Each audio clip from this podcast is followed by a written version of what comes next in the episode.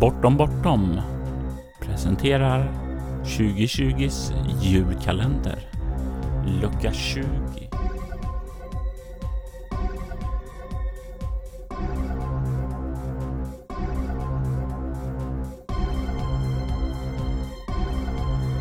Bakgrundsmusiken i detta avsnitt gjordes av Derek and Brandon Fichter och vignettmusiken gjordes av Robert Jonsson.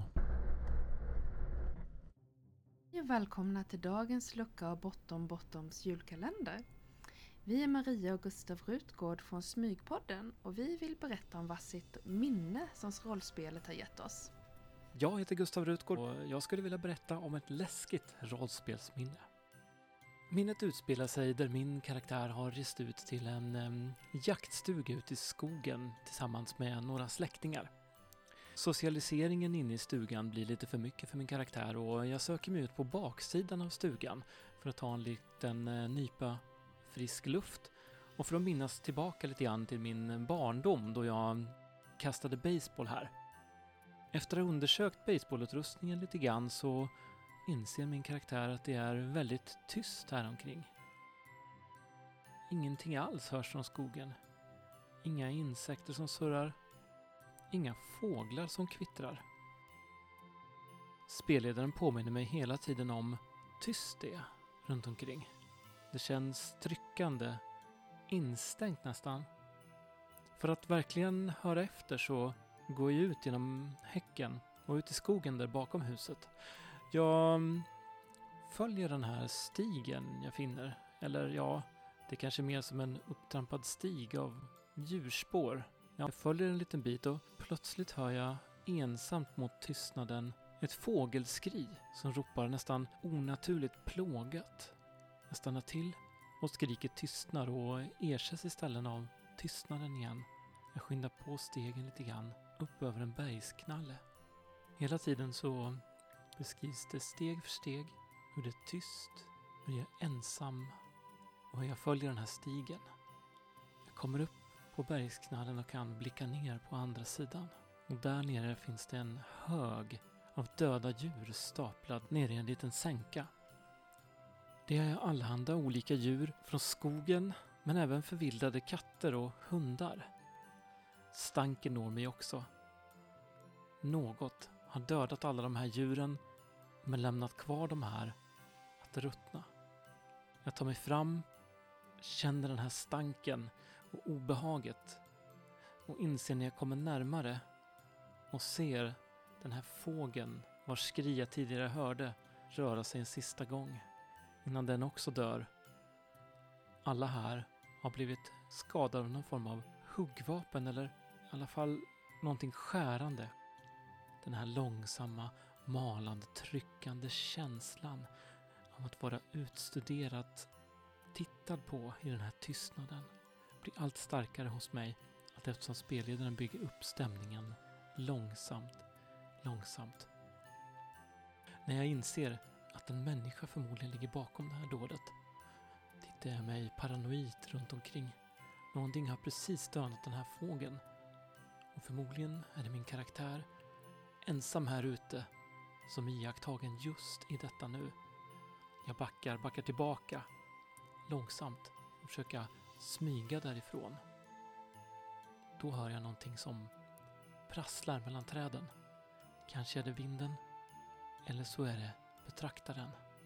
Det får mig att vända om till flyktbeteendet och genast ställer spelledaren om och börjar med tempo beskriva hur jag, någonting förföljer mig när jag börjar springa därifrån.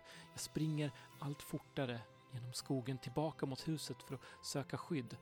Kasta saker bakom mig, försöker stoppa förföljaren. Och jag får en känsla av att någonting kommer närmare och närmare. Tempot ökas nu istället från att ha varit långsamt uppbyggande till snabbt, hektiskt jagade på mig. Fortare, fortare. Du är jagad, du är jagad. Tillbaka mot huset. Till slut så kommer jag fram och kan se häcken in till trädgården igen. Jag kastar mig in där, ser dörren, kastar mig in och smäller igen den bakom mig. Jag tittar ut genom fönstret för att äntligen få se vad som har jagat mig genom fönstret. rädd att den kanske ska kasta sig genom terrassdörrens fönster mot mig. Men när jag blickar ut ser jag bara häcken där borta och tomten utanför. Men ingenting som har förföljt mig. I nästa andetag beskriver spelledaren sålet från släktingarna och folket där inne som om allt där ute aldrig hade hänt. Det här minnet och den här rollspelsessionen skapar en mycket läskig känsla för mig. Hela uppbyggnaden, först långsamt, långsamt uppbyggande, sen klimaxet när jag flydde därifrån. Och sen vad det var för någonting. Alltså, vad fan var det som var där ute? Nej. Inga svar, bara tvivel på om det verkligen hänt. Det här var ett av många sätt som min karaktär Greg i Noahs sista drag sakta började förlora förståndet på. Jag skulle rekommendera att du själv tar del och lyssnar på den här episoden i Noahs sista drag där Robert Jonsson spelade mig i soloäventyret. Första säsongen finns ute nu eh, och du hittar den bland soloäventyrets utgivna innehåll. Tack för att du har lyssnat på mitt rollspelsminne. Då Gustav har berättat om eh, skräck så tänkte jag att jag skulle ta något annat minne.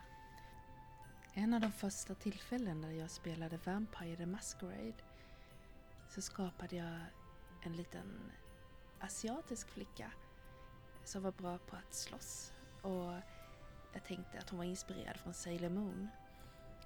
Eh, hon eh, hade en skolflicksförälskelse i en vacker man hon hade sett en gång på ett diskotek. Han dansade med bar överkropp och eh, hans långa fläta nådde ner till knäna. Han var det absolut mest ljuvliga hon någonsin hade sett. Och hon kunde inte låta bli att tänka på honom. Spelledaren eh, fick ehm, dagboksanteckningar på eh, hennes tankar.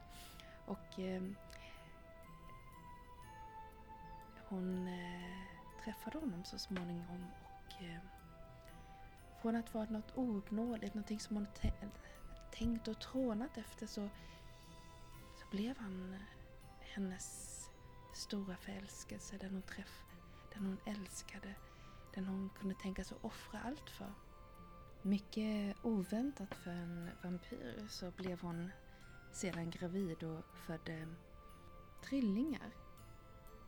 Det var en av de tillfällen där man blir förvånad som spelare när man ofrivilligt ens karaktär blir gravid. En annan gång senare blir jag faktiskt påmind om detta med min karaktär Mayumi som är en mekaniker i rollspelet Leviathan.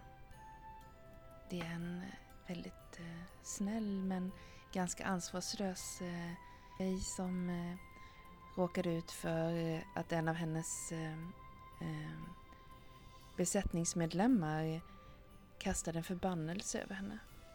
Varje natt så drömde hon hemska mardrömmar där en annan eh, besättningsmedlem som nu var död dödade henne om och om igen på nätterna. Det var fruktansvärt och hon försökte fly djupare in i drömmarna och där mötte hon sina drömmars man. En väldigt vänlig och omtänksam man som dessutom hjälpte henne att döda Vadim. Hm. Eh, I drömmen så blev eh, Mayumi gravid och de fick ett barn tillsammans och när hon vaknade ur sin dröm så var hon gravid på riktigt. Mayumi tyckte det var märkligt och det inte fanns någon barnafader. Det räknar med hennes drömman. Vad slår mig mest är de här parallellerna. Jag tror det bara är två tillfällen överhuvudtaget när jag spelat rollspel som mina karaktärer har blivit förälder utan att eh, själv vara med på noterna. Utan att spelledaren överraskat den. Lite grann som i verkliga livet kanske.